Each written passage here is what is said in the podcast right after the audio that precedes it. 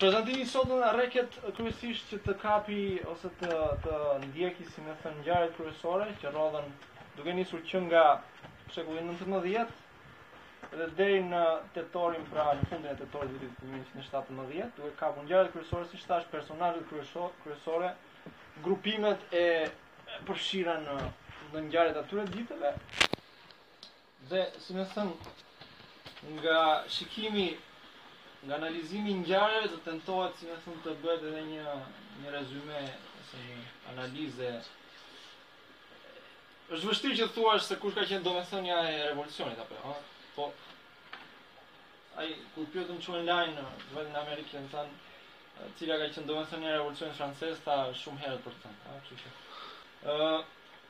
Edhe unë po nis siç thashë me rrymat ideologjike kryesore të Rus në Rusinë e shekullit të 19.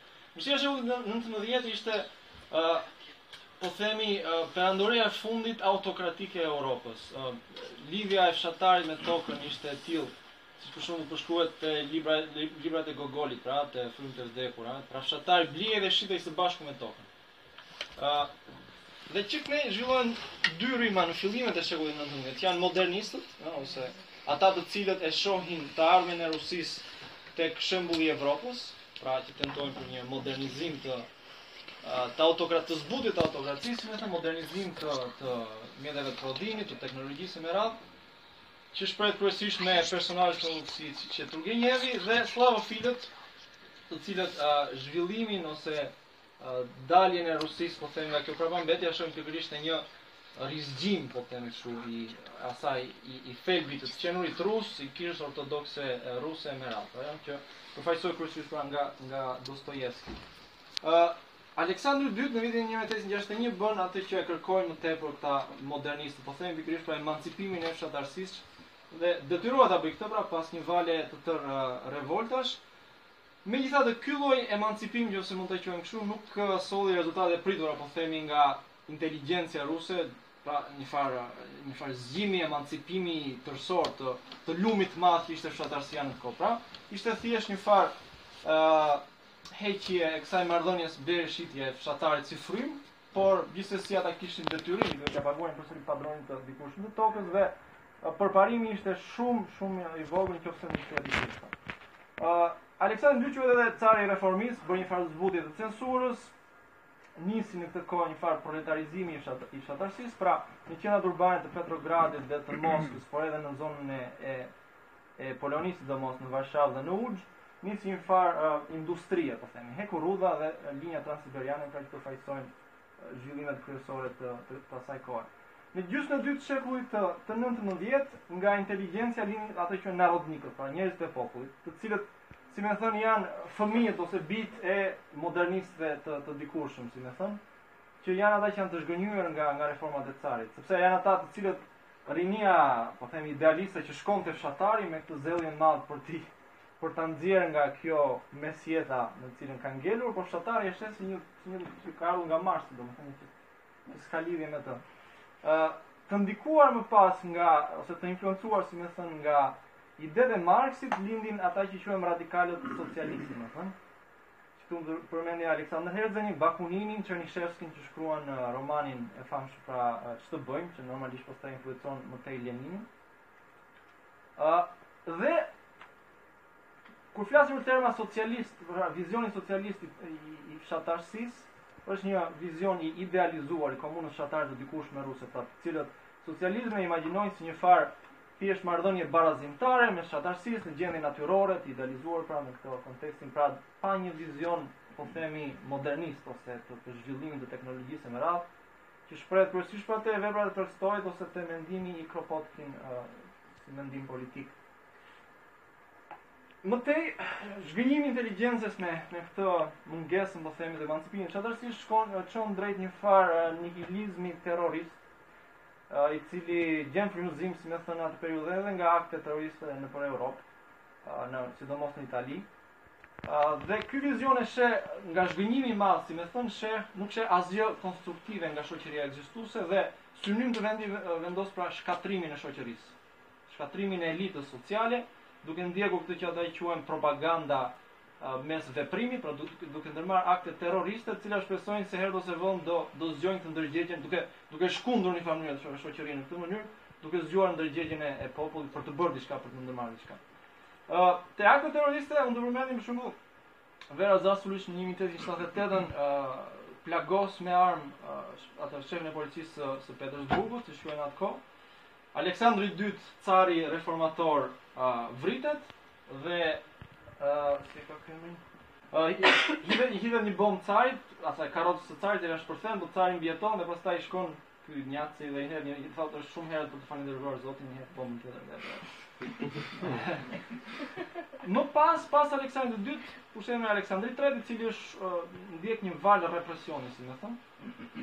Dhe në një mijë e tetëqind e tetëdhjetë e shtatë pesë studentë dënohen me varje për një plan për ta vrarë edhe Aleksandrin III, mes të cilëve është edhe Aleksandër Ulianovi, që është vëllai i Leninit, pra, që do ndikojë jo pak te tek Lenini.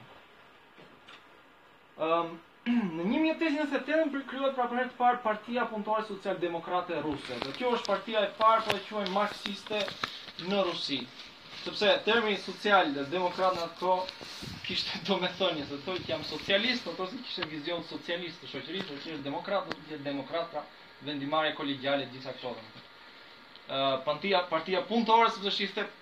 Pikërisht pra, i ndikuar nga Marksi, Marksi sheh proletariatin si këtë agjentin e ri i cili do sillte ndryshimin shoqëror. Ë Ndërkohë Lenini është i dënuar në Siberi në një mijë e nëntëqind e njëshin fronin e merr Nikolla i dytë me gruan e vet dhe me djalin Aleksej që është një që është hemofilik pra.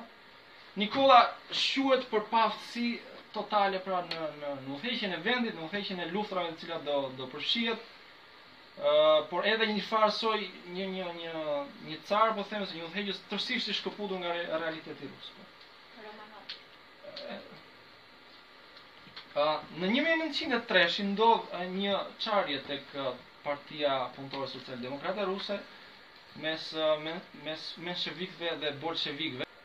Atëherë, në mensh, në menshevikët dhe në bolshevikët janë uh, Martovi dhe Lenin. Menshevik në fakt nënkupton uh, pakicë dhe bolshevik nënkupton shumicë për një mosmarrëveshje të momentit që patën ata çka i shtyu për të votuar dhe për të marrë këto emërtime, por në fakt deri në shtatorin e vitit 1917 bolshevikët do jenë pakicë, pra, edhe në ndikimin e qarqeve majtiste ruse, si me thënë, ndërkohë që në shtator të shtatëmbëdhjetës në fakt do bëjnë shumicë në Sovjetin e, e, e Petrogradit. Ndarja kryesore, se arsyeja kryesore e ndarjes është pikërisht vizioni materialist që kanë që kanë për botën, sepse ë bazuar te Marksi, pra historia historik materializmi historik kalon tregon fazat në të cilat kalon shoqëria në në varësi të zhvillimit të mjeteve të prodhimit. Dhe sipas Marksit, nga një shoqëri feudale, Duhet të kalosh detyrimisht në një shoqëri kapitaliste në të cilat mjetet e prodhimit janë të tilla që të prodhojnë një sasi të madhe pasurie dhe që më pas me marrjen në dorë të krijon të krijohet kjo ndarja klasore, pra proletariati, lumi i madh i proletariatit dhe një pjesë e vogël e shoqërisë që është borgjezia dhe më pas pasi janë krijuar këto kushte, atëherë proletariati merr në dorë mjetet e prodhimit, pra shpronëson borgjezinë dhe bën të mundur pra krijimin e shoqërisë socialiste dhe ky vizion marksist është ajo vizioni të cilin ndjekin po themi menshevikët, të cilët thonë në këtë fazë të zhvillimit historik në të cilin ndodhet Rusia, do duhet që të kalojë nëpërmjet një revolucioni borgjez, ta quajmë ose që pushtetin nga autokracia cariste ta marri borgjezia, kemi një zhvillim industrial nëpërmjet borgjezisë dhe më pas të shohim vizionin uh, socialist. Ndërkohë që bolshevikët të udhëhequr nga Lenini uh, shohin uh, mundësinë e klasës punëtore, pra ata shohin klasën punëtore si agjentin e revolucionit, megjithëse uh, shoqëria është uh, në këtë fazë, po themi, të zhvillimit dhe uh, në bashkëpunim me fshatarësinë proletariati do duhet të marrë pushtetin dhe të çojë drejt një një revolucioni po themi socialist. Në vitin 1904 që po e përmend këtu për pikërisht se është pikërisht para ngjarjeve të vitit 1905, Rusia e cila ka hyrë në luftë me Japoninë pëson uh, humbje të rënda dhe konteksti i vitit 1905 pra është varfëri e madhe, uri në masë sidomos në në radhët e fshatarësisë, Ndërkohë që punëtoria është e vogël në numër dhe siç thashë pra e përqen prifti Georgi Gapon, i cili është një prift i ndikuar nga këto rryma të vizion gjysëm mistik të Tolstoit për të varfrit dhe ajo që bën në 9 janar të vitit 1905 është që e udhëheq një turmë punëtorësh me familjet e tyre nga lagja e punëtorëve që është kjo lagja këtu Viborg ë drejt pallatit të dimrit që ndodhet që ndodhet ku ndodhet pikërisht këtu. ë është është interesante uh, harta e Petrogradit pse sepse gjithë zona këtu është kjo Nevski Prospekt, që pra prospekti i ri. Gjithë kjo është lagja si me thënë të pasurve, e industrialistëve e me radhë e me radhë dhe në rrethinat e vet vendoset punëtoria. Dhe në një farë edhe në mënyrë figurative si me thënë në mënyrë që punëtoria të bëjë ato protestat e veta detyrohet të kapërcejë lumin Dhe qëllon që në janar, siç ndodh shpesh në Rusi, lumi është i ngrirë, domethënë, kështu që e kanë kollaj pavarësisht se urat mbyllen nga policia domethënë. Ë uh, ata mbajnë ikona shenjtorësh në duart e tyre dhe i luten babait të kombit, pra Nikollës së Dytë që t'i mbrojë ose të ofrojë mbrojtje nga shfrytëzuesit kapitalistë. Dhe kjo është shumë interesante, një farë përzierje e kësaj ideje slavofile të, të kishës ruse me atë që e perceptojnë si armikun e tyre imediat HPHQ ose shfrytëzuesit e tyre pra që janë kapitalistët. Megjithatë ajo që ndodh ë um, është që ajo që quhet e diela e përgjakur në 9 janar, pra është që forcat e kozakëve pra të, të carit ë uh, kryejnë një masakër atë ditë ku vrasin 1500 të vrarë. E kjo është një ngjarje e cila uh, nxit, si me thënë, një valë të tërë protestash përgjatë gjithë vitit uh, 1905, domethënë. Një cikël përplasjesh të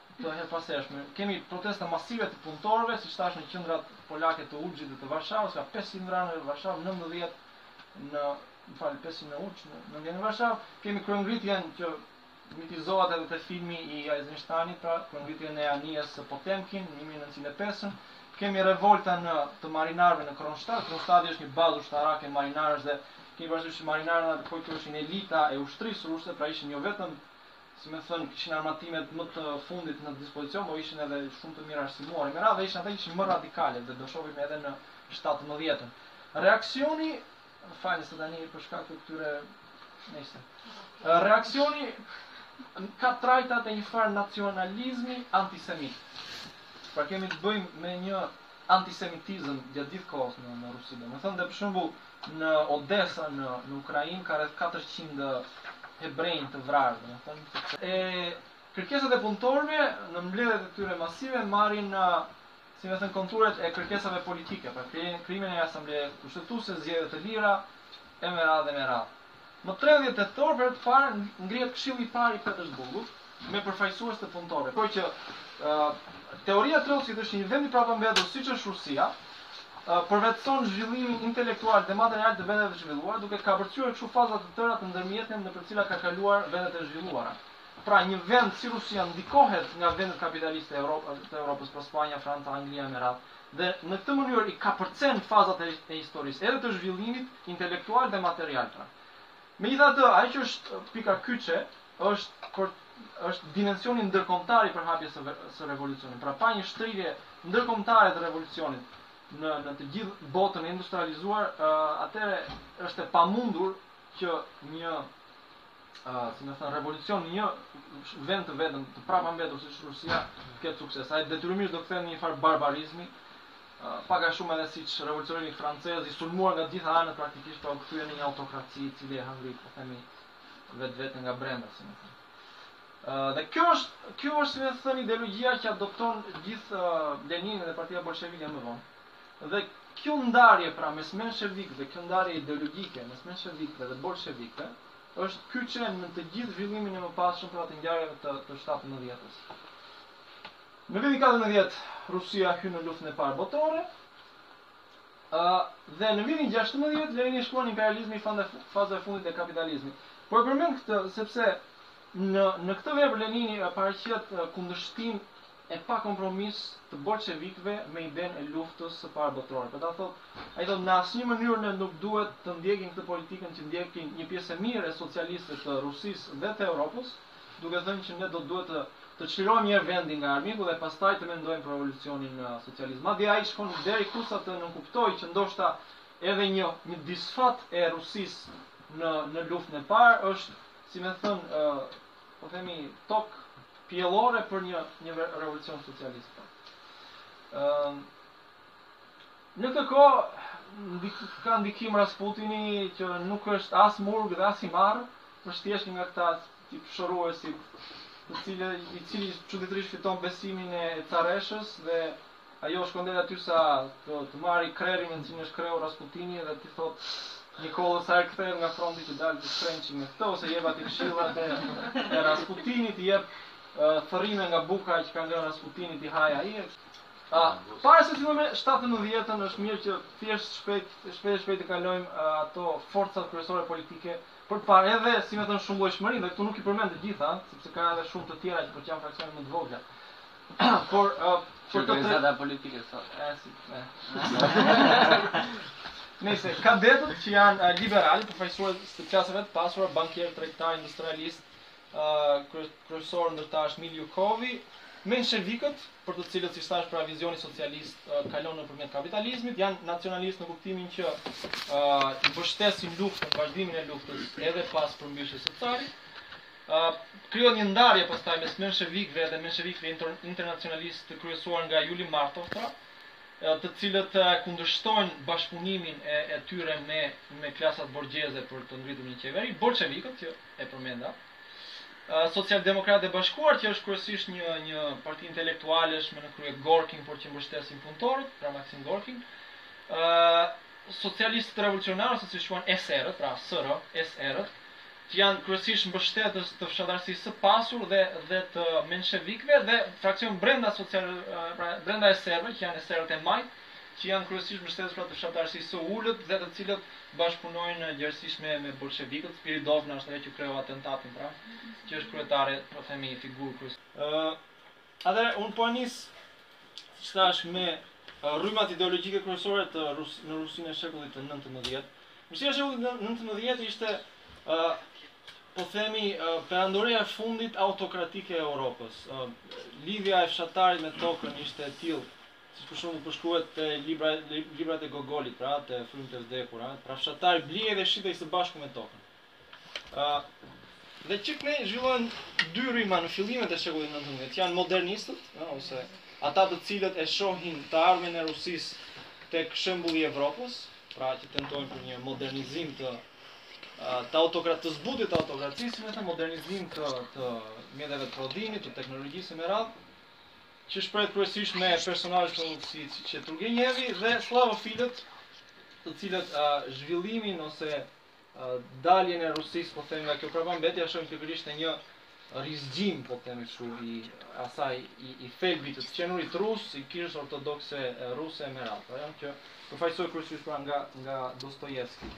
Ë uh, Aleksandri II në vitin 1861 bën atë që e kërkojnë më tepër këta modernistë, po themi pikërisht pra emancipimin e fshatarësisë dhe detyrohet ta bëjë këtë pra pas një vale të tërë revoltash, Megjithatë, ky lloj emancipimi, nëse mund ta quajmë kështu, nuk solli rezultatet e pritura, po themi nga inteligjencia ruse, pra një farë një farë zgjimi, emancipimi tërësor të të lëmit të madh që ishte fshatarësia në atë kohë. Pra, ishte thjesht një farë ë heqje e kësaj marrëdhënies blerje shitje e fshatarit si frymë, por gjithsesi ata kishin detyrim, duhet t'ia paguanin përsëri padronit të dikurshëm të tokës dhe përparimi ishte shumë, shumë i vogël në qoftë se nuk kthehej dikush. Ë Aleksandri i dytë quhet edhe cari i reformës, bëri një farë zbutje të censurës, nisi në këtë kohë një farë proletarizimi i fshatarësisë, pra në qendrat urbane të Petrogradit dhe të Moskës, por edhe në zonën e, e e Polonisë sidomos në Varshavë dhe në Lodz, nisi një farë uh, industrie, po themi, hekurudha dhe linja transiberiane pra që përfaqësojnë zhvillimet kryesore të, të, të asaj kohe. Në gjysmën e dytë shekullit të, të 19 nga inteligjencia lindin ata që narodnikët, pra njerëzit e popullit, të cilët si me thënë janë fëmijët ose bijtë e modernistëve të, të dikurshëm, si me thënë, që janë ata që janë të zhgënjyer nga nga reformat e carit, sepse janë ata të cilët rinia, po them idealiste që shkon te fshatari me këtë zellin e madh për t'i për ta nxjerrë nga kjo mesjeta në të cilën kanë ngelur, por fshatari e sheh si një si një që ka ardhur nga Marsi, domethënë që që s'ka lidhje me të. Ë uh, të ndikuar më pas nga ose të influencuar, si me thënë, nga idetë e Marksit lindin ata që quhen radikalët socialistë, me thënë. Këtu mund të përmendim Aleksandër Herzenin, Bakuninin, Çernyshevskin që shkruan romanin e famshëm pra Ç'të bëjmë, që normalisht pastaj influencon më tej Leninin. Ë dhe kur flasim për terma socialist, pra vizioni socialist i, i fshatarësisë, është një vizion i idealizuar i komunës fshatare të dikurshme ruse, pra të cilët socializmin e imagjinojnë si një farë thjesht marrëdhënie barazimtare mes fshatarësisë në gjendje natyrore, të idealizuar pra në këtë kontekstin, pra pa një vizion, po themi, modernist ose të, të zhvillimit të teknologjisë e me radhë, që shprehet kryesisht pra te veprat e Tolstoit ose te mendimi i Kropotkin uh, si mendim politik. Më tej, zhgënjimi i inteligjencës me me këtë mungesën, po themi, të emancipimit të fshatarësisë shkon çon drejt një farë nihilizmi terrorist, i cili gjen frymëzim si me thënë atë periudhë edhe nga akte terroriste nëpër Europë, në sidomos në Itali.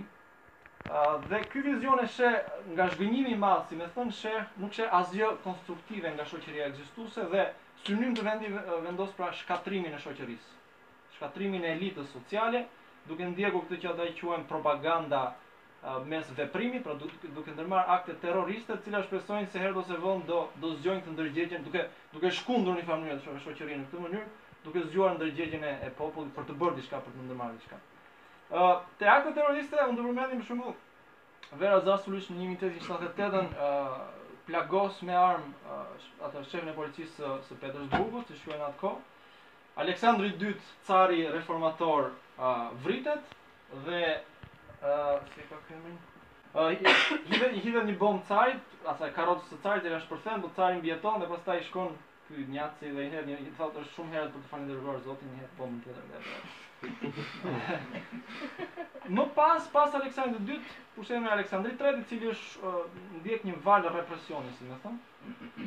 dhe në një mijë e tetëqind e tetëdhjetë e shtatë pesë studentë dënohen me varje për një plan për ta vrarë edhe Aleksandrin e Tretë, mes të cilëve është edhe Aleksandër Uljanovi, që është vëllai i Leninit, pra, që do ndikojë jo pak te tek Lenini. Ëm um,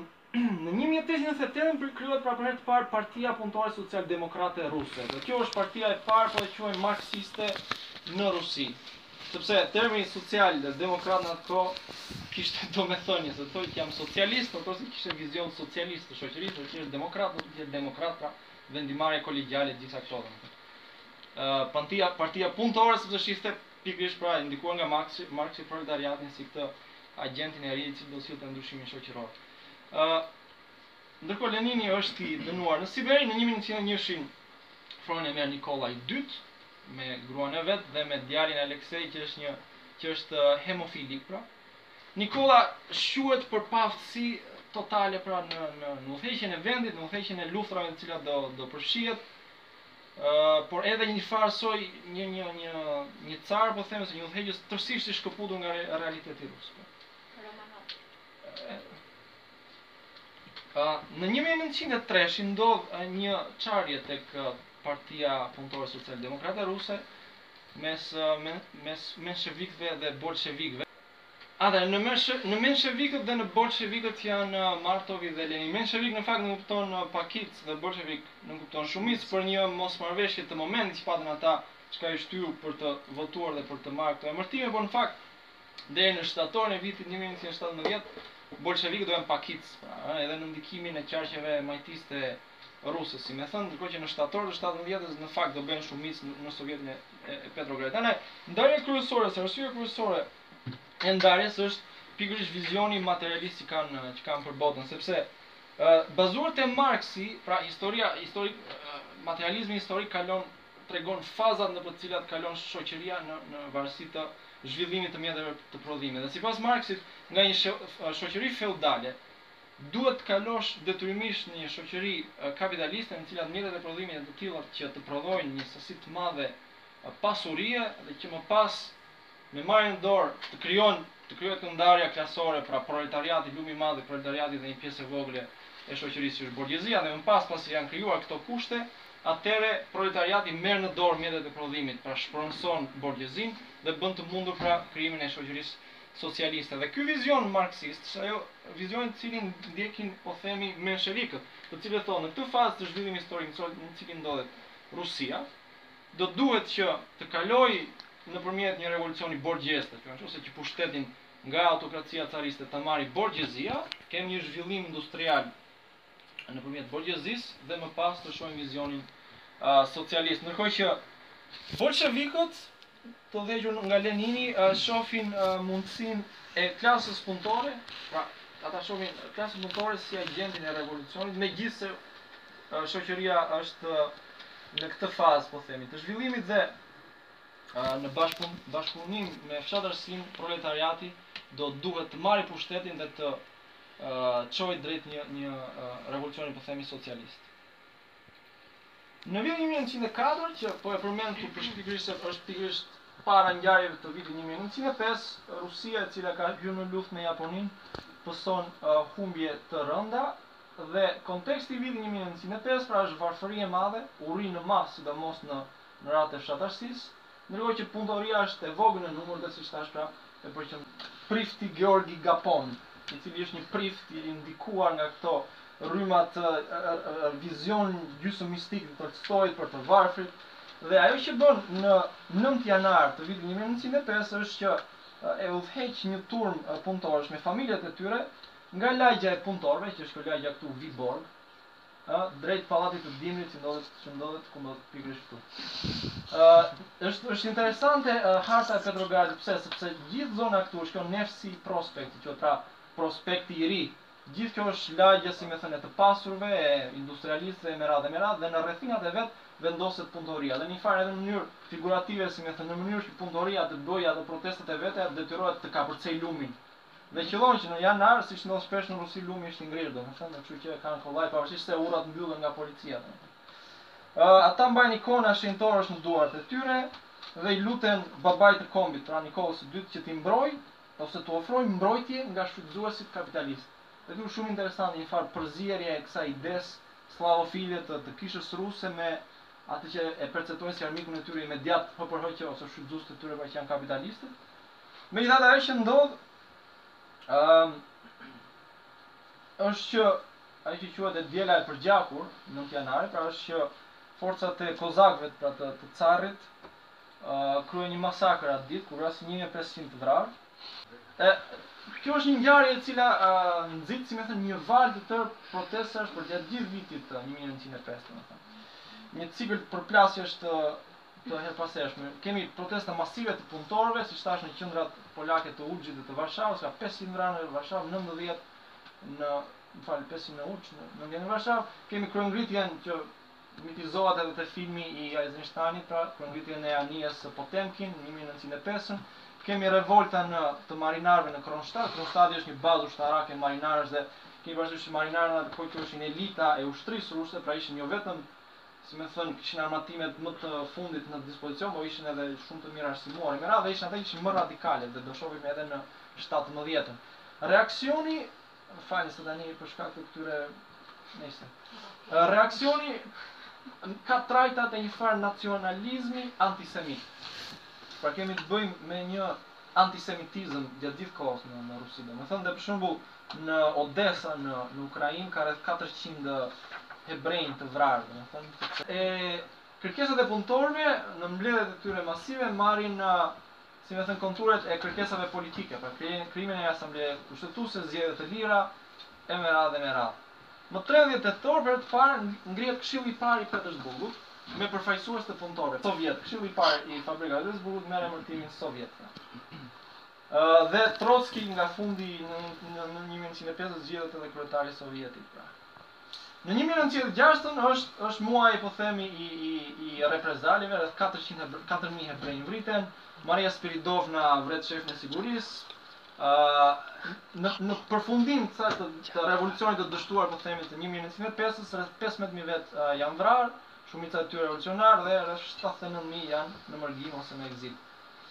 I vetmi lëshim që detyrohet të bëjë Nikolla i dytë është që të ngrejë Dumën dhe Duma është një organ konsultativ i Carit, pra nuk ka asnjë fuqi ekzekutive, as legjislative, është thjesht konsultativ. Ë tani, në një farë mënyre baza e e uh, ideologjisë bolshevike Baza e saj pra është ideja e Trotskit që adoptohet dhe nga Lenini, kjo që teoria e Trotskit është që një vend i prapambetur siç është Rusia, përvetëson zhvillimin intelektual dhe material të vendeve të zhvilluara, duke kapërcyer kështu faza të tëra të ndërmjetme nëpër të cilat kanë kaluar vendet e zhvilluara. Pra, një vend si Rusia ndikohet nga vendet kapitaliste të Evropës, pra Spanja, Franca, Anglia e me radhë, dhe në këtë mënyrë i kapërcen fazat e historisë, edhe të zhvillimit intelektual dhe material pra.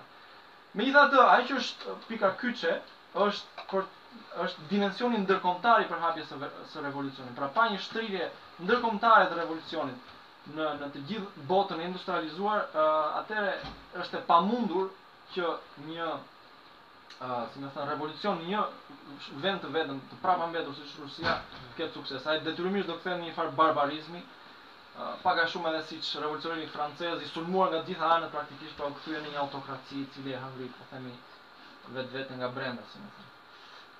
Dhe kjo është kjo është si më thënë ideologjia që adopton gjithë Lenini dhe Partia Bolshevike më vonë. Dhe kjo ndarje pra mes menshevikëve, kjo ndarje ideologjike mes menshevikëve dhe bolshevikëve është kyçe në të gjithë zhvillimin e mëpasshëm pra të ngjarjeve të të shtatëmbëdhjetës.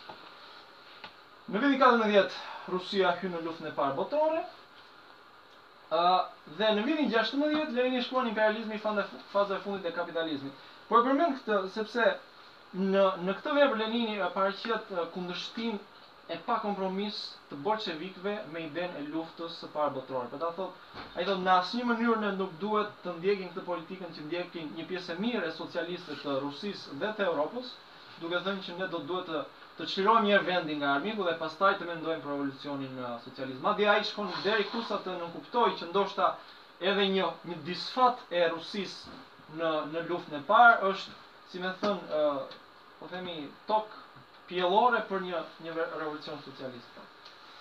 Ë, Në këtë kohë ka ndikim Rasputini që nuk është as murg dhe as i marrë, është thjesht një nga këta tip shëruesit, të cilë, i cili çuditërisht fiton besimin e careshës dhe ajo shkon deri aty sa të, të marri krehrin me cilin është krehur Rasputini dhe t'i thotë Nikollës sa herë kthehet nga fronti që dale të të kreh çik me këtë ose i jep atij këshillat e, e Rasputinit, i jep thërrime nga buka që ka ngrënë Rasputini t'i hajë ai, Para se të fillojmë me shtatëmbëdhjetën, është mirë që thjesht shpejt, shpejt e shpejt të kalojmë ato forcat kryesore politike për të parë edhe, si me thënë, shumëllojshmërinë dhe këtu nuk i përmend të gjitha, sepse ka edhe shumë të tjera që janë fraksione më të vogla. Por për të organizata politike sot. E si. Nëse kadetët që janë liberalë, përfaqësues të klasave të pasura, bankierë, tregtarë, industrialistë, kryesor ndër ta është Miljukovi, menshevikët, për të cilët siç thashë pra vizioni socialist kalon nëpërmjet kapitalizmit, janë nacionalistë në kuptimin që i mbështesin luftën, vazhdimin e luftës edhe pas përmbysjes së carit. Krijohet një ndarje pastaj mes menshevikëve dhe menshevikëve internacionalistë të kryesuar nga Juli Martov, pra, të cilët kundërshtojnë bashkëpunimin e, e tyre me me klasat borgjeze për të ngritur një qeveri, bolshevikët që e përmenda. Socialdemokratët e Bashkuar, që është kryesisht një një parti intelektualesh me në krye Gorkin, por që mbështesin punëtorët, pra Maksim Gorkin. Ë socialistët revolucionarë ose siç quhen SR-ët, pra SR, SR-ët, që janë kryesisht mbështetës të fshatarësisë së pasur dhe dhe të menshevikëve dhe fraksion brenda social pra brenda SR-ve, që janë SR-ët e majtë, që janë kryesisht mbështetës pra të fshatarësisë së ulët dhe të cilët bashkëpunojnë gjerësisht me me bolshevikët, Spiridonova është ajo që kreu atentatin pra, që është kryetare po të themi figurë kryesore. Tani, ndërkohë situata në front është katastrofale dhe ushtria ose si me thënë dezertimet që që ndodhin në ushtri ë kanë kanë trajtat e një një farë lëvizjeje shoqërore mund të themi, lëvizje sociale mund të themi, sepse nga njëra anë Ushtarët janë ata që shoqërizohen ose si me thënë vëllazërohen me armikun që kanë nga ana tjetër e llogores, me gjermanët, dhe nga ana tjetër kemi masa të mëdha dezertorësh pra të cilët largohen nga fronti dhe sorrollaten si me thënë nëpër qendrat urbane qoftë duke kërkuar punë dhe duke mbijetuar si punëtorë të thjeshtë, qoftë si banditë, pra kemi një dezertim masiv të të ushtrisë nga fronti si me thënë. Pra, nis një valë protestash e nxitur nga nga ushtarët, të cilët nuk nuk ja nuk e durojnë dot më vazhdimin e luftës. Si me thënë dhe një farë kundërpërgjigje nga vetë kadetët që thonë rroftë Miljukovi poshtë Lenini. Ë Sovjeti bën thirrje për shpërndarje të protestuesve. Pra Sovjeti nuk e mbështet këtë protestë të re, këtë valë protestash të reja që po lind, e cila në njëfarë mënyre destabiliz fal e destabilizon qeverinë e përkohshme që ka lindur. Në Sovjeti fundja fundit është për mbështetje pra Sovjeti duke qenë se uh, shumicën e vet e ka menshevike dhe eserë, Sovjeti është aty në mbështetje të qeverisë së përkohshme, sepse thotë ne detyrimisht qeveria ose pushteti duhet të qëndrojë në duart e borgjezisë ose ose të paktën të një koalicioni mes borgjezisë dhe proletariatit. Pra, Sovjeti nuk vjen me parullën pushtetin duhet ta marrë klasa klasa punëtore, si me thënë.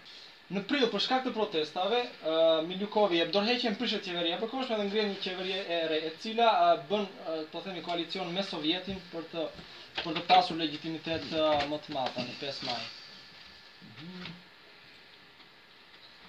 Tani qershori, kalojmë te qershori. Qershori është muaji pararendës i ngjarjeve të të korrikut, si me thënë, dhe kjo është e rëndësishme sepse Ngjarjet e korrikut janë janë si me thënë një pikë kyçe. Do e Atëherë, qershori është i rëndësishëm. Shkak për trazirat e qershorit bëhen bëhen anarkistët pas pasi zaptojnë një nga këto fabrik, nga këto shtypshkronjat e krahut të djathtë, pastaj policia vjen i nxjerr jashtë, kështu që ata vënë kërkojnë solidaritet me punëtorët dhe 28 fabrika mbyllen, pastaj punëtorët e armatosur dalin në rrugë, domethënë dhe protestojnë kundër qeverisë së përkohshme është çështja. Komiteti Ekzekutiv i Sovjetit bën thirrje përsëri që të shmangen provokimet sepse mund nxisin këto reagimin e qindsheve të zeza.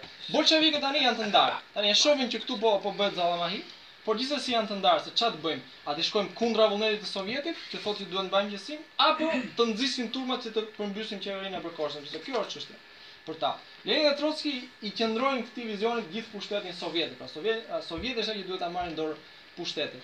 Ndërkohë që një pjesë e mirë e tyre pra thonë që nuk duhet të dalin kundra pushtetit. Atëherë, pasi shuhet kjo si valë protestash, Kongresi i Sovjetëve i i lëshohet i turret bolshevikëve, i thotë ju jeni ata që i nxisni edhe turmat, domethënë ju keni ndikim në masa dhe prandaj ju jeni fajtor për këtë. Nuk i persekutojnë në një farë mënyre, por gjithsesi vendosin dhe kjo është një një ndër kontradiktat më të lezetshme domethënë të këtyre ditëve, Vendosin që të organizojnë vetë një demonstratë për t'u treguar bolshevikëve se besimin e kujt kanë masat. Pra, Sovjeti organizon demonstratë thërret masat në demonstratë, në mënyrë që t'u tregojë bolshevikëve që shiko që mos ndërmerrni nga këto shashkat, si me thënë. Dhe, qëndrimi i bolshevikëve këtu është vërtet është vërtet i bukur, ta transformojnë demonstratën, kundër vullnetit të Sovjetit, në shprehjen e mbështetjes për transferimin e gjithë pushtetit te Sovjeti. Pra, Sovjeti nuk e donte pushtetin. Sovjeti thoshte që duhet të kalojë qeverisë së përkohshme, se duhet borgjezia ta ketë pushtetin në duar. Bolshevikët thoshin që pushtetin duhet ta ketë Sovjeti, sepse Sovjeti përfaqëson masat, punëtorinë, ushtrinë e me radhë. Kështu që ata thonë duhet ta ta transformojmë demonstratën nëpërmjet propagandës bëhet fjalë pra, në mënyrë që ta shtyjmë Sovjetin që të marri pushtetin, si me thënë. Katërqind mijë vetë dalin në protestë dhe parullat që hidhen Janë pikërisht parullat e e bolshevikëve. Është ky momenti që përshkruhet te ky libër që thotë që dalin krerët e Sovjetit dhe kur shohin lumin e madh të protestuesve prej katërqind mijë vetësh shohin gjithë të mbushur gjithandej me parulla që thoshin poshtë Duma cariste, pra qeveria e përkohshme, poshtë dhjetë ministrat kapitalistë, poshtë politika e sulmit bukë, paqe, tokë dhe gjithë pushtetin sovjetëve. Pra në një farë mënyre këtu fillon edhe si me thënë konsolidohet ndikimi që ka rryma bolshevike në masat e punëtorisë dhe të ushtrisë.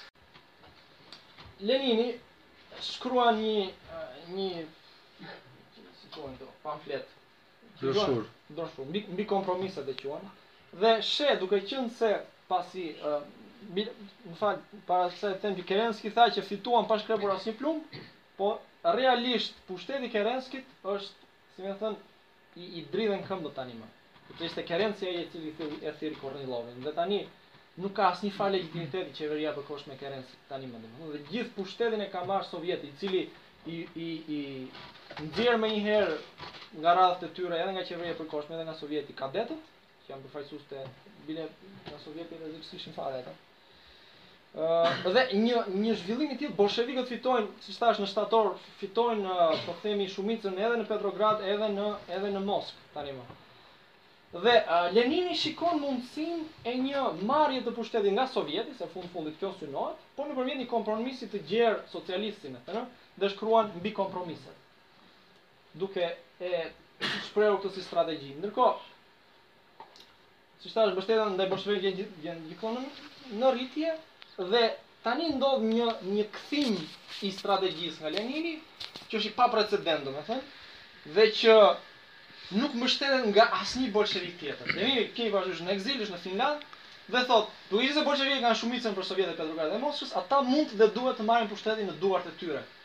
Këta thonë tani ky sa shkroi mbi kompromiset. Tani thotë që S'mos bëjmë kompromis, po ta marrim pushtetin në duart tona. Dhe letrat e Leninit censurohen nga bolshevikët. Dhe ë arsyeja pse e thotë Lenini këtë ka janë dy domethënë. Një, sepse ai thotë, është i bindur se socialistët e moderuar, që janë menshevikët eserët dhe me radhë me radhë, Në sovjet nuk do binden kurrë të marrin pushtetin thotë. E ata edhe sikur t'ua japin në pjatë pushtetin atyre, t'u thonë ja ku e keni pushtetin, ata kurrë nuk do binden për shkak të bindjes tyre ideologjike, pra atë që përmendëm në fillim fare, të nevojës së borgjezisë për të mbajtur pushtetin. Dhe e dyta thotë është rreziku që i kanoset Petrogradit nga duart e gjermanëve, sepse Kerenski është i gatshëm duke qenë se praktikisht ai e ka ushtrinë në dorë, t'u thotë gjermanëve që bujrum merreni Petrogradin, ne po tërhiqemi në Moskë dhe Petrogradi është qendra e e e radikalizmit do ta quajmë kështu. Dhe këto këto janë dy arsye pse shtyn Lenini thotë që ne nuk nuk duhet që të vazhdojmë me këtë rrugën e kompromisit. Do të thonë, por kjo vjen si bombë bolshevikëve. Do thotë kjo fut kot fare me këto që thotë domethënë. Dhe e censurojnë. Më 16 shtator, lidershipi bolshevik boton letrat e Leninit para dy javëve mbi kompromiset dhe këtu prap tregohet me fjalë ato strategjia që kanë ndjekur dy javë më parë, tani më është diçka krejt tjetër. Apo. Leninit i ikën petlla. Thotë këta ça bëjnë këta dhe vijnë botojnë ato që kam botuar para dy javësh unë ndërkohë që linja që po them unë tani është një gjë krejt tjetër domethënë pastaj ë kështu që ai e shef që kundër vullnetit komitetit qendror të partisë së tij ai merr rrugën për t'u rikthyer në Petrograd pra fshehurazi kështu Nga ana tjetër, në datë nëntëmbëdhjetë, njëzet e dy dhe njëzet e katër, përsëri letrat e Leninit censurohen dhe digjet, bie dakord që të digjen tërësisht letrat e tij, nga nga shtypi bolshevik. Dhe kështu që më njëzet e nëntë vendos që të qarkullojë atë këtë veprën po themi kriza është e përshtatshme dhe ta qarkullojë jo nëpërmjet shtypit bolshevik, por ta qarkullojë në Petrogradin, në Sovjetin e Petrogradit dhe të Moskës. Në të cilën thotë, në afrim të revolucionit evropian, bolshevikët duhet të marrin menjëherë në duart e tyre pushtetin, ndryshe do jenë tradhtarë mjeranë kauzës proletare,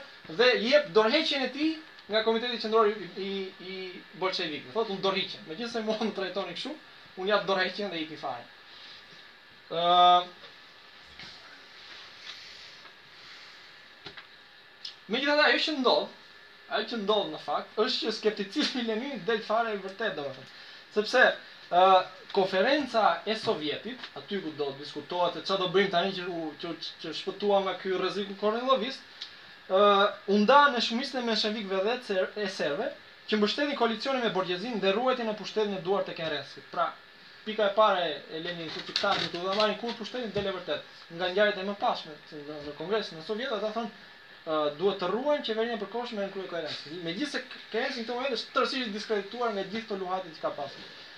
Në tetor tani, më në fund, Tetori nis me rrezikun imediat të hyrjes së gjermanëve në Petrograd. Pra pika e dytë e Leninit që thotë që këta kanë ndërmend që t'ua dorëzojnë Petrogradin, bëhet praktikisht diçka që që e kuptojnë të gjithë.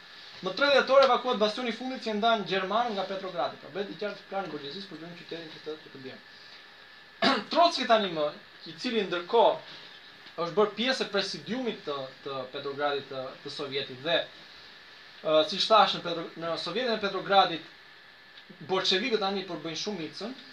Ë thërret garnizonin ushtarak të Sovjetit që të përgatitej për luftë përsëri. Ë, ashtu siç u u mobilizuan për t'u mbrojtur nga Kornillovi, tani thotë duhet të mbrohemi nga armiqtë e brendshëm dhe të jashtëm, që nënkupton Kerenskin nga një anë edhe gjermanët nga nga ana tjetër. Dhe kështu lind Komiteti Ushtarak i Revolucionit. Dhe KUR-i ose Komiteti Ushtarak i Revolucionit është është si me thënë vegla kryesore me me anë të të cilës bolshevikët arrijnë të marrin pushtetin sepse është arma ushtarake si me thënë e e bolshevikëve. Dhe këtu ë del në pah si me thënë roli i Trockit i padiskutuar në tetorin e shtatëmbëdhjetës, i i cili ishte i aftë pra që ta organizonte këtë komitet që u që lindi ta organizonte në të tillë mënyrë që të thithte garnizonet e ndryshme ushtarake që t'i, po themi, t'i bindeshin këtij komiteti.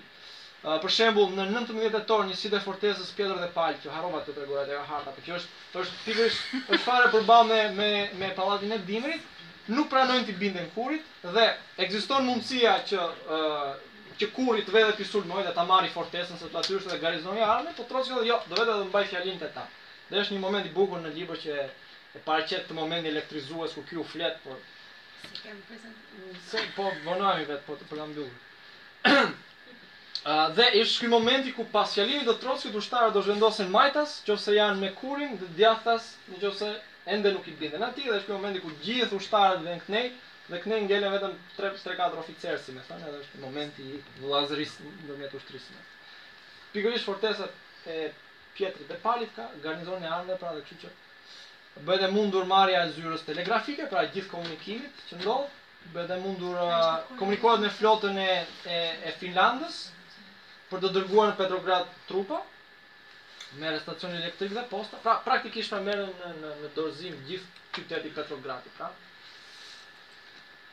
Tani, për t'i ardhur fundit, më njëzet e pesë tetor Lenini ja del ashtu i maskuar siç ishte që të rikthehet në në Sovjetin e Petrogradit, ndërkohë që Kerenski që e kupton që tani më situata i ka dalë nga kontrolli, arratiset pra në orë njëmbëdhjetë, pra në të njëjtën ditë. Në orët e para Lenini kthehet, hyn në në Sovjet, në njëmbëdhjetë Kerenski arratiset nga qyteti pra. Ëm.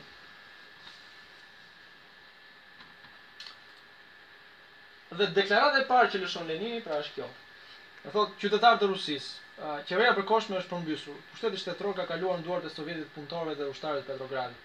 Kauza për të cilën populli luftoi, propozimi i menjëhershëm i një paqe demokratike, zhdukja e pronës së pronarëve të mëdhenj, kontrolli i punëtorëve mbi mbi prodhimin, krijimi i një qeverie të Sovjetit, Triumfi i kësaj kauze është siguruar. Rroftë revolucioni i punëtorëve, ushtarëve dhe fshatarëve. Pra kjo është si me thënë deklarata e parë e Leninit, e cila përhapet në masë dhe e cila gjen mbështetje shumë të madhe tani më domethënë në këtë pikë të të revolucionit.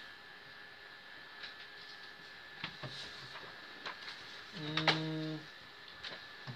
Ndërkohë që Kerenski është larguar, bëhet një rezistencë fare fare e vogël te pallati i Dimrit, i cili me një fjalë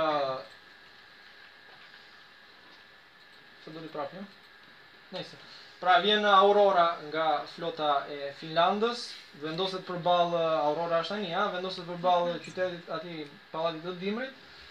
Dhe në fillimin e Kongresit të Dytë të Sovjetit të Petrogradit, se tani praktikisht pushteti te Sovjeti, se tani më ka marrë fund çdo gjë. ë bën goditjen e parë, e cila është bosh domethënë, nuk ka predhë brenda, po thjesht është ta shkundë një situatë. Kongresi i dytë i Sovjetit. Presidiumi tani përbëhej nga 14 bolshevikë, të zgjedhur, si më thënë, nga masa e punëtorisë, dhe vetëm tre menshevikë dhe një menshevik internacionalist që është Mart Martov, Juli Martov, që ndërkohë është kryer ata. Eserët dhe menshevikët akuzojnë bolshevikët dhe përsëri i mbeten qasjes së tyre, pra krijohet në fillim iluzioni se mund të krijohet një koalicion, pra mund ta marri Sovjeti përsëri pushtetin në dorë.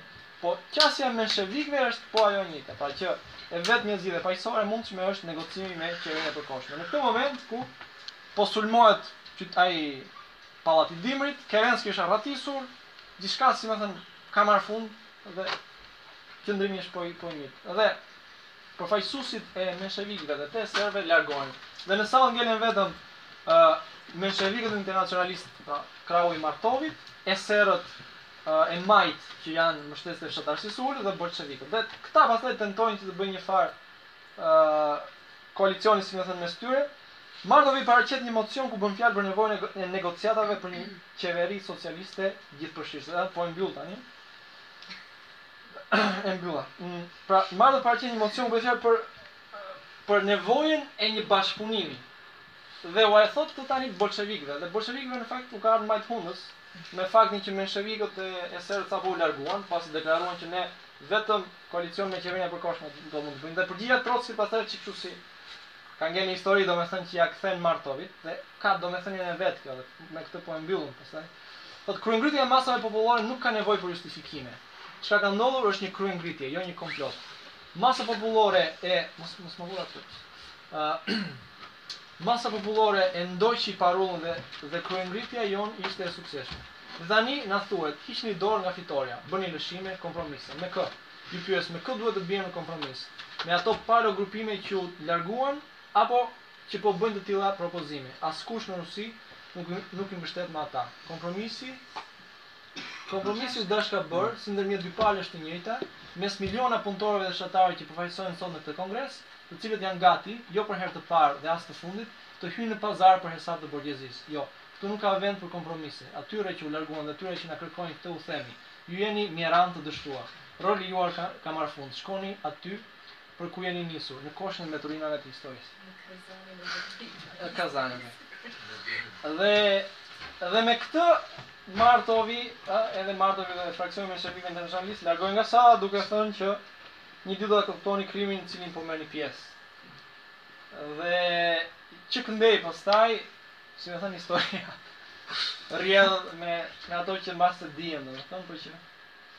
Kjo pak a shumë ishte pra ndoshta që ne në vazhdim mund të diskutojmë për çfarë ndodhi më pas, si rrodhën ngjarjet, çfarë solli, çfarë domethënie ka që do ta diskutojmë edhe në javën në vazhdim me me prezantimet e tjera, rolin e revolucionit, po të paktën ngjarjet kronologjikisht pra ishin ishin kështu siç tentova ti ti po ndive.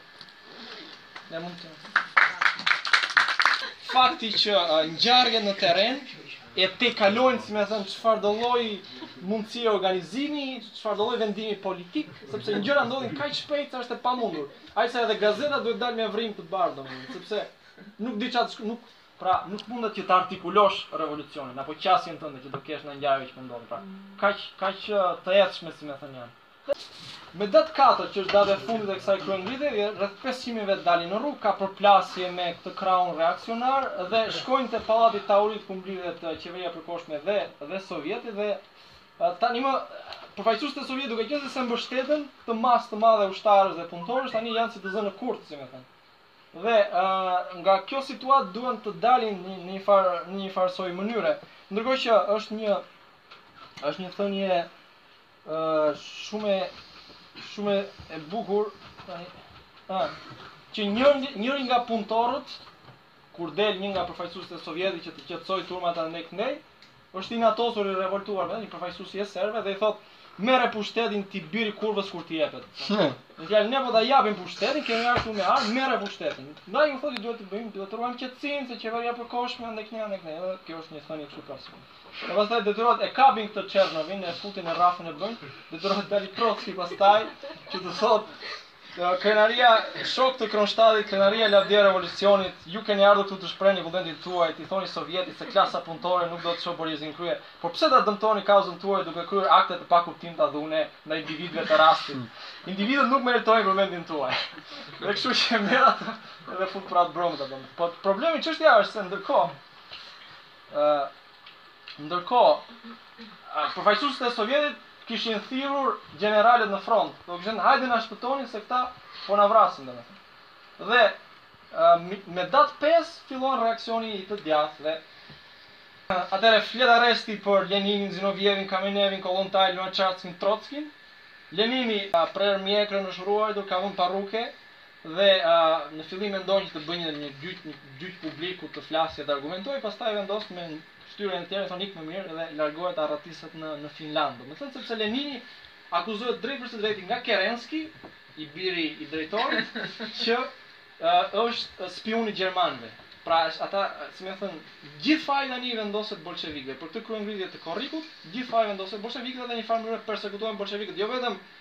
nga sovjeti, po edhe nëpër fabrika, se duke qenë se lajmi se këta janë spiunë të gjermanit përhapet masivisht, atëherë edhe nëpër fabrika militantë ose punëtorë të thjeshtë, që janë mbështetës të tyre, pra në një farë mënyre persekutohen. Dhe hapi që ndërmerr Kerensky është thirrja e Kornilovit. Kornilovi është një ndër gjeneralët e djathtë, domethënë që është nacionalist i thekur, si me thënë, të cili, i cili thërritet dhe i jepet fuqi e plotë sa i përket, pra bëhet komandant i i frontit perëndimor. Fronti perëndimor i jep diçka në dorë uh, Kornilovit, më fal. Kornilovi tani ka një reputacion ndërkohë si si njeri i hekurt, i disiplinës të hekurt. Kornilovi fillon që avash avash pra gradualisht të marrë tiparet e një diktatori të mundshëm, i cili ka mbështetjen e klasës së pasur, të industrialistëve, bankierëve e me radhë, i cili do ta nxjerrë Rusinë nga ky tranzicion pasigurie, si me thënë. Pra nga një anë që kemi disfata në front, Nga ana tjetër kemi gjithë këto trazira që po ndodhin nëpër qytet, kështu që klasa e parë, borgjezia, në mënyrë që do të shohë interesin e vet, do do stabilitet praktikisht, do rikthimin në të punëtorëve në fabrikë e me radhë e me radhë, do vazhdimin e luftës sepse i intereson nga pikëpamja financiare po themi, e interesave, dhe sheh te Kornilovi një figurë të mundshme që mund të deri diku pra të zëvendësojë Carrin, duke përmbysur qeverinë e përkohshme, megjithëse është Kerenski që e thret Kornilovin. dhe i jep kompetenca. Për shembull, Kongresi i Tregtisë dhe Industrisë kërkon një shkëputje radikale nga ajo që quan diktatura e Sovjetit dhe ngre pyetjen nëse nevojitet një fuqi diktatoriale për të shpëtuar mëmëdhenë. Madje, në këtë moment, siç e përshkruan John Reed, kemi një valë të tërë sabotimesh. Unë kam dijeni mbi disa miniera qymyri afër Harkovit, të cilat i dogjën ose i përmbytën pronarët e tyre, mbi fabrikat e tekstilit në Moskë, ku inxhinierët, duke braktisur punën i nxorën jashtë përdorimit maqinat, mbi nëpunësit e hekurudhave të cilët u kapën nga punëtorët në çastin kur po shkatërronin lokomotivat. Pra kemi një tendencë për të sabotuar ekonomikisht qeverinë e re, po them. Dhe ajo që ndodh në gusht është që praktikisht ajo që pra mund thuhet puçi i Kornillovit. Kornillovi tani zhvendos trupat pikërisht që të marri pushtetin në në Petrograd pra. Ai kërkon nga nga Kerenski gjithnjë e më tepër pushtet, kërkon uh, kontrollin e garnizoneve ushtarake të Petrogradit, kontrollin e hekurudhave të industrisë së luftës, pra të fabrikave të luftës, dorë të hekurt në ushtri, rikthimin e disiplinës së dikurshme, transferimin në front të punëtorëve që që janë grevistë ose që nuk duan të punojnë, rikthimin e dënimit me vdekje e gjëra të kësaj natyre. një pjesë të të cilave Kerensky ia jep, një pjesë tjetër jo, pikërisht sepse siç e përcakton dhe Lenini këtu Kerensky tani thotë luan tenton të luajë rolin e Bonapartit, një farë analize që ka bërë Marksi për Bonapartin si ai i cili tenton të luajë me dy pushtete, nga njëra anë mbështet ushtrinë dhe nga ana tjetër pra borgjezinë. Ë në dymbëdhjetë gusht Kornilovi praktikisht pra nis trupat e veta Të ju fal, pritet si hero nga klasa e lartë e lartë e Moskës dhe sipërmarrësi Putillov është fabrika e, e famshme Putillov në në lagjen Viborg, i ofron mbështetje financiare për të për të ngritur një regjim autoritar të ri. Socialistët e moderuar fillojnë tani të kuptojnë rrezikun që i kanoset revolucionit të shkurtit, po ta quajmë kështu. Dhe që kuptojnë se në fillim, nëse vjen Kornilovi, të parit do vrasin janë bolshevikët, po ama të dytët janë eserët, menshevikët e me radhë. Dhe Fillojnë dhe i pranojnë gjithnjë e më tepër brenda radhëve të tyre, si me thënë bolshevikët përsëri. Lenini ndërkohë është në ekzil dhe Lenini e lexon tërësisht gabimisht situatën, sepse Lenini Lenini ë e lexon sikur rreziku kornillovist është i sajuar, është i sajuar vetëm e vetëm që bolshevikët të gjejnë mënyrë të bashkëpunojnë ose të të ripranohen përsëri në Sovjet, të bashkëpunojnë me qeverinë e përkohshme e kështu. Dhe thotë në asnjë mënyrë bashkëpunim sepse të gjitha këto dokrrat për për puç kornilovist janë budalliqe. Dhe këtu e ka shumë gabim, domethënë një ndër momentet e këtyre ngjarjeve që e lexon tërësisht gabimisht situatën. ë Ndërkohë, Kerenski zbulon fare rastësisht qëllimet e Kornilovit dhe i drejtohet Sovjetit për mbrojtje. Pra këtu shohim ë garda e kuqe, punëtorët e armatosur, pra ushtarët, dhe marinarët e Kronshtatit, pra në një në qasje figurative, si më thënë, të cilët të gjithë mobilizohen që të mbrojnë Petrogradin pra nga puçi i Kornilovit që po e kanos në këtë moment. Ë taktika e bolshevikëve është kjo, të nxisin maksimumin e mundshëm të mobilizimit nga poshtë kundër Kornilovit, por ama pa ndihmën e qeverisë së përkohshme. Pra duhet që të jenë bolshevikët ata që fitojnë uh, atë si më thënë besimin e masave. Dhe këtu gardat e kuqe pra që janë praktikisht punëtor me armë në dorë, mobilizohen nga nga bolshevikët. Rreth 40000 vetë pra mobilizohen në total në rrugë, ngriten ngrihen barrikada, rrethinat e qytetit kthehen në kampe ushtarake, rreth 3000 marinarë të Kronstadit arrijnë në në qytet. Trupat e është shumë interesante mënyra se si uh, anashkalohet, megjithëse kemi gjithë mobilizim pra të gjithë popullsisë kundra Kornillovit, mënyra se si ndalet Puçi është shumë interesante sepse trupat e Kornillovit bashkohen me një fjalë nisen drejt Petrogradit me tren, sepse treni atëherë ishte mjeti më i avancuar teknologjik, pra normalisht gjithë trenin përdorin në vend që të niseshin me kuaj si. Ë dhe por më ajo që ndodh është që Hekurudha nuk e ka në dorë Kornillovi, megjithëse ja kërkoi këtë gjë Kerenskit, Kerenski nuk e plotësoi këtë dëshirë. Dhe Hekurudhat i kanë në dorë punëtorët ose praktikisht i ka Sovjeti në në dorë. Dhe ajo që bën është që ndërpret prish Hekurudhat, kështu që treni me ushtarët e Kornillovit ngec ngec në në vend, si me thënë. Dhe ajo që ndodh më pas është që vjen një lum i tërë emisarësh, të cilët shkojnë dhe flasin me me ushtarët. Pra nuk kemi luftë të menjëhershme, po kemi tentativën për t'i bindur ushtarët, për përsëri domethënë, duke thënë që shiko se po bëheni vegël në duart e e të djathtëve të të reaksionit se Ju vërtet e bëni këtë po do rikthehet diktatura ushtarake gjithë ato mjetet e urryera që që janë përdorur deri më sot do vazhdojë lufta në front e gjitha këto dhe pas dy tre ditësh treni i ushtarëve pra nxjerr flamurin e kuq, si me pra është një fitore nëpërmjet bindjes së tyre dhe njëjta gjë ndodh dhe me trupat e e Krimovit ku janë të rrethuar dhe siç thotë treni kthehet në sallë të madhe debatesh derisa dhe Krimovi në fund pra kryen vetëvrasje Kalojmë në shtator. në shtator tani Lenini shkruan një një si quhen këto pamflet. Broshurë. Broshurë. Mbi mbi kompromiset e quan. Dhe sheh duke qenë se pasi uh, më fal, para se të them që Kerenski tha që fituan pa shkrepur asnjë plumb, po realisht pushteti i Kerenskit është, si më thënë, I i dridhen këmbët tani më. Sepse ishte Kerenski ai i cili thirri e thirri Kornillovin dhe tani nuk ka asnjë farë legjitimiteti qeveria e përkohshme e Kerenskit tani më domethënë dhe gjithë pushtetin e ka marrë Sovjeti i cili i i i nxjerr menjëherë nga radhët e tyre edhe nga qeveria e përkohshme edhe nga Sovjeti kadetët që janë përfaqësues të bile nga Sovjeti as që ishin fare ata. Ëh, dhe në një zhvillim të tillë bolshevikët fitojnë, siç thashë në shtator, fitojnë po themi shumicën edhe në Petrograd, edhe në edhe në Moskë tanimë. Dhe uh, Lenini shikon mundësinë e një marrjeje të pushtetit nga Sovjeti, se fund fundit kjo synohet, por nëpërmjet një kompromisi të gjerë socialist, domethënë, dhe shkruan mbi kompromiset, duke e shprehur këtë si strategji. Ndërkohë, Siç thashë, mbështetja ndaj bolshevikëve vjen gjith, vjen gjithmonë në rritje dhe tani ndodh një një kthim i strategjisë nga Lenini, që është i paprecedent, domethënë, dhe që nuk mbështetet nga asnjë bolshevik tjetër. Lenini kemi parasysh në ekzil, është në Finlandë dhe thotë, duke qenë se bolshevikët kanë shumicën në sovjetet e Petrogradit dhe Moskës, ata mund dhe duhet të marrin pushtetin në duart e tyre. Këtë thotë tani, ky sa shkroi mbi kompromiset. Tani thotë që Të mos bëjmë kompromis, po ta marrim pushtetin në duart tona. Dhe letrat e Leninit censurohen nga bolshevikët. Dhe ë arsyeja pse e thotë Lenini këtë ka janë dy domethënë. Një, sepse ai thotë, është i bindur se socialistët e moderuar, që janë menshevikët eserët dhe me radhë me radhë, Në sovjet nuk do binden kurrë të marrin pushtetin. Thotë, ata edhe sikur t'ua japin në pjatë pushtetin atyre, thonë ja ku e keni pushtetin, ata kurrë nuk do binden për shkak të bindjes së tyre ideologjike, pra atë që përmenda në fillim fare, të nevojës së borgjezisë për të mbajtur pushtetin. Dhe e dyta thotë është rreziku që i kanoset Petrogradit nga duart e gjermanëve, sepse Kerensky është i gatshëm duke qenë se praktikisht ai e ka ushtrinë në dorë, t'u thotë gjermanëve që bujrum merreni Petrogradin, ne po tërhiqemi në Moskë dhe Petrogradi është qendra e e e radikalizmit po ta quajmë kështu. Dhe këto këto janë dy arsye pse shtyhet Lenini, thotë që ne nuk nuk duhet që të vazhdojmë me këtë rrugën e kompromisit. Domethënë, por kjo vjen si bombë bolshevikëve. Thonë ky ia fut kot fare me këto që thotë domethënë. Dhe e censurojnë. Më 16 shtator, lidershipi bolshevik boton letrat e Leninit përpara dy javëve mbi kompromiset dhe këtu prapë tregohet, domethënë, ato strategjia që kanë ndjekur dy javë më parë, tanimë është diçka krejt tjetër. Apo. Leninit i ikën petlla.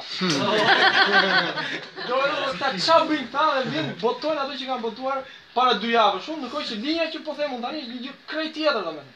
Pastaj, ë, kështu që ai e shef që kundër vullnetit të Komitetit Qendror të partisë së tij, ai merr rrugën për t'u rikthyer në Petrograd, pra fshehurazi kështu. Nga ana tjetër, në datë nëntëmbëdhjetë, njëzet e dy dhe njëzet e katër, përsëri letrat e Leninit censurohen dhe digjen, bihet dakord që të digjen përsëri letrat e tij, nga nga shtypi bolshevik.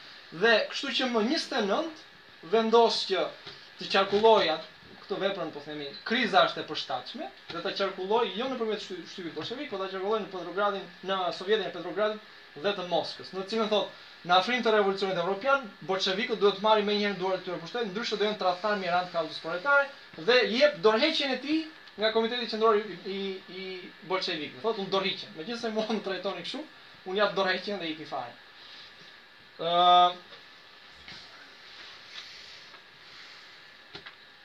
Megjithatë ajo që ndodh, ajo që ndodh në fakt është që skepticizmi i Leninit del fare i vërtetë domethënë.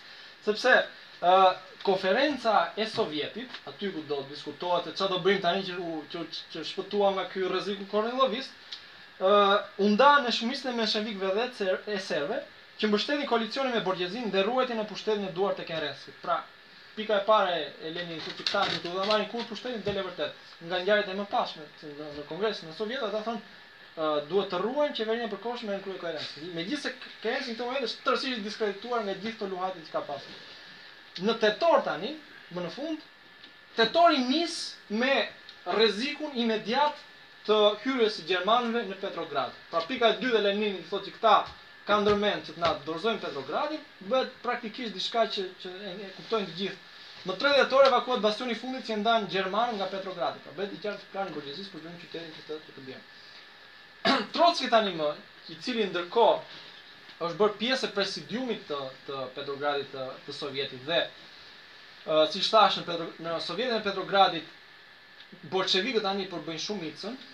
ë thret garnizonin ushtarak të Sovjetit që të përgatitet për luftë përsëri, ë? Ashtu siç u u mobilizuan për t'u mbrojtur nga Kornilovi, tani thotë duhet të mbrohemi nga armiqtë e brendshëm dhe të jashtëm, që nënkupton Kerenskin nga një anë dhe gjermanët nga nga ana tjetër. Dhe kështu lind Komiteti Ushtarak i Revolucionit. Dhe KURR-i ose Komiteti Ushtarak i Revolucionit është është si me thënë vegla kryesore me me anë të të cilës bolshevikët arrijnë të marrin pushtetin sepse është arma ushtarake si me thënë e e bolshevikëve. Dhe këtu ë del në pah si me thënë roli i Trotskit i padiskutuar në tetorin e shtatëmbëdhjetës, i cili ishte i aftë pra që ta organizonte këtë komitet që u që lindi ta organizonte në të tillë mënyrë që të thithte garnizonet e ndryshme ushtarake që t'i, po themi, t'i bindeshin këtij komiteti. Për shembull, në 19 tetor njësitë e fortesës Pjetër dhe Pal, që harrova të tregoja te harta, por që është është pikërisht është fare përballë me me me pallatin e Dimrit, nuk pranojnë t'i binden KURR-it dhe ekziston mundësia që që KURR-i të vejë dhe t'i sulmojë dhe ta marrë fortesën, sepse aty është edhe garnizoni i armëve, po Trocki thotë jo, do vete edhe mbaj fjalim te ta. Dhe është një moment i bukur në libër që e paraqet këtë moment elektrizues ku ky u flet, por se kemi prezantuar. Se po vonohemi vetë, po të përkam duhur. dhe është ky momenti ku pas fjalimit të Trockit ushtarët do zhvendosen majtas, nëse janë me kurin dhe djathtas, nëse ende nuk i binden atij dhe është ky momenti ku gjithë ushtarët venë këtej dhe këtej ngelen vetëm 3-4 oficerë, si me thënë, edhe është momenti i vëllazërisë ndërmjet ushtrisë. Pikërisht fortesa e Pjetrit dhe Palit ka garnizonin e armëve pra dhe kështu që bëhet e mundur marrja e zyrës telegrafike, pra gjithë komunikimit që ndodh, bëhet e mundur komunikohet me flotën e e, e Finlandës për të dërguar në Petrograd trupa merret stacioni elektrik dhe posta, pra praktikisht pra merren në në në dorëzim gjithë qyteti i Petrogradit, pra.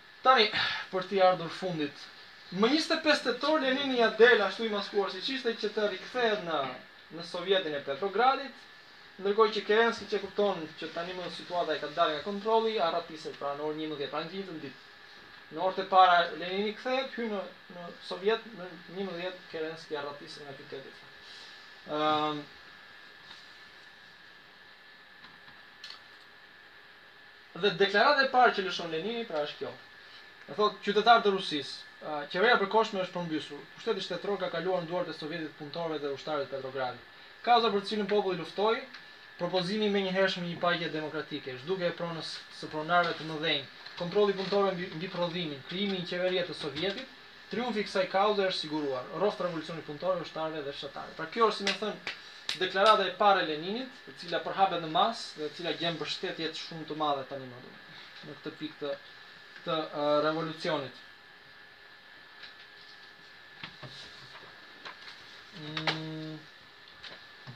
Ndërkohë që Kerenski është larguar, bëhet një rezistencë fare fare e vogël te pallati i Dimrit, i cili me një fjalë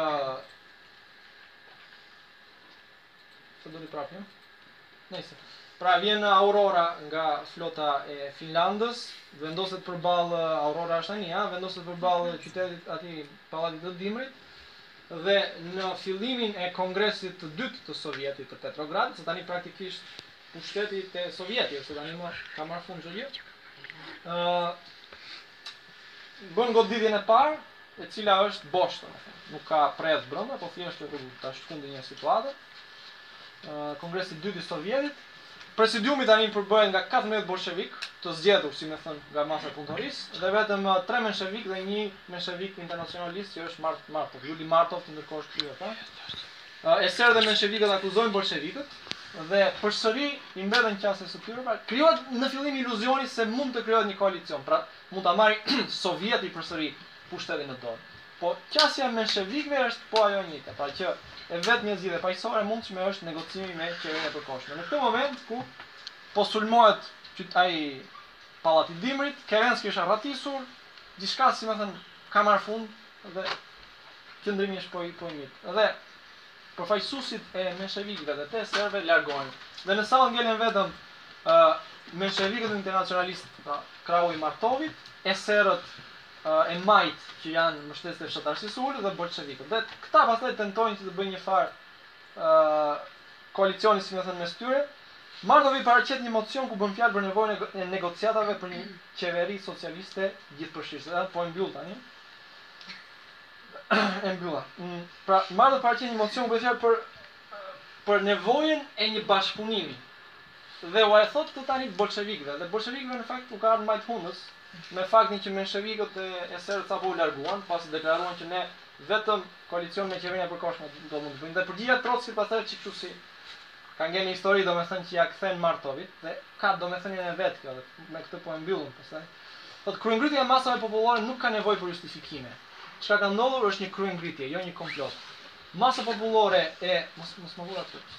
Ë Masa popullore e ndoqi parullën dhe dhe kryengritja jonë ishte e suksesshme. Dhe tani na thuhet, hiqni dorë nga fitorja, bëni lëshime, kompromise. Me kë? Ju pyes, me kë duhet të biem në kompromis? Me ato palo grupime që u larguan apo që po bëjnë të tilla propozime? Askush në Rusi nuk nuk i mbështet më ata. Kompromisi? Kompromisi u dashka bërë, si ndërmjet dy palësh të njëjta, mes miliona punëtorëve dhe fshatarëve që përfaqësohen sot në këtë Kongres, të cilët janë gati, jo për herë të parë dhe as të fundit, të hyjnë në pazar për hesap të borgjezisë. Jo, këtu nuk ka vend për kompromise. Atyre që u larguan dhe atyre që na kërkojnë këtë u themi, ju jeni mjeranë të dështuar. Roli juaj ka marrë fund. Shkoni aty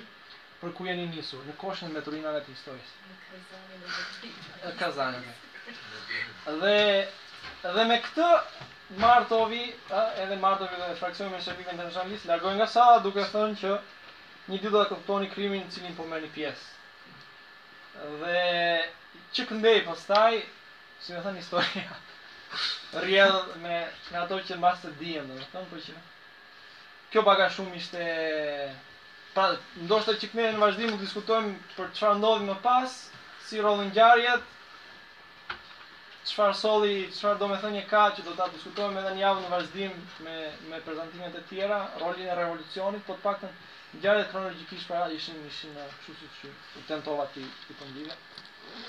Ne mund të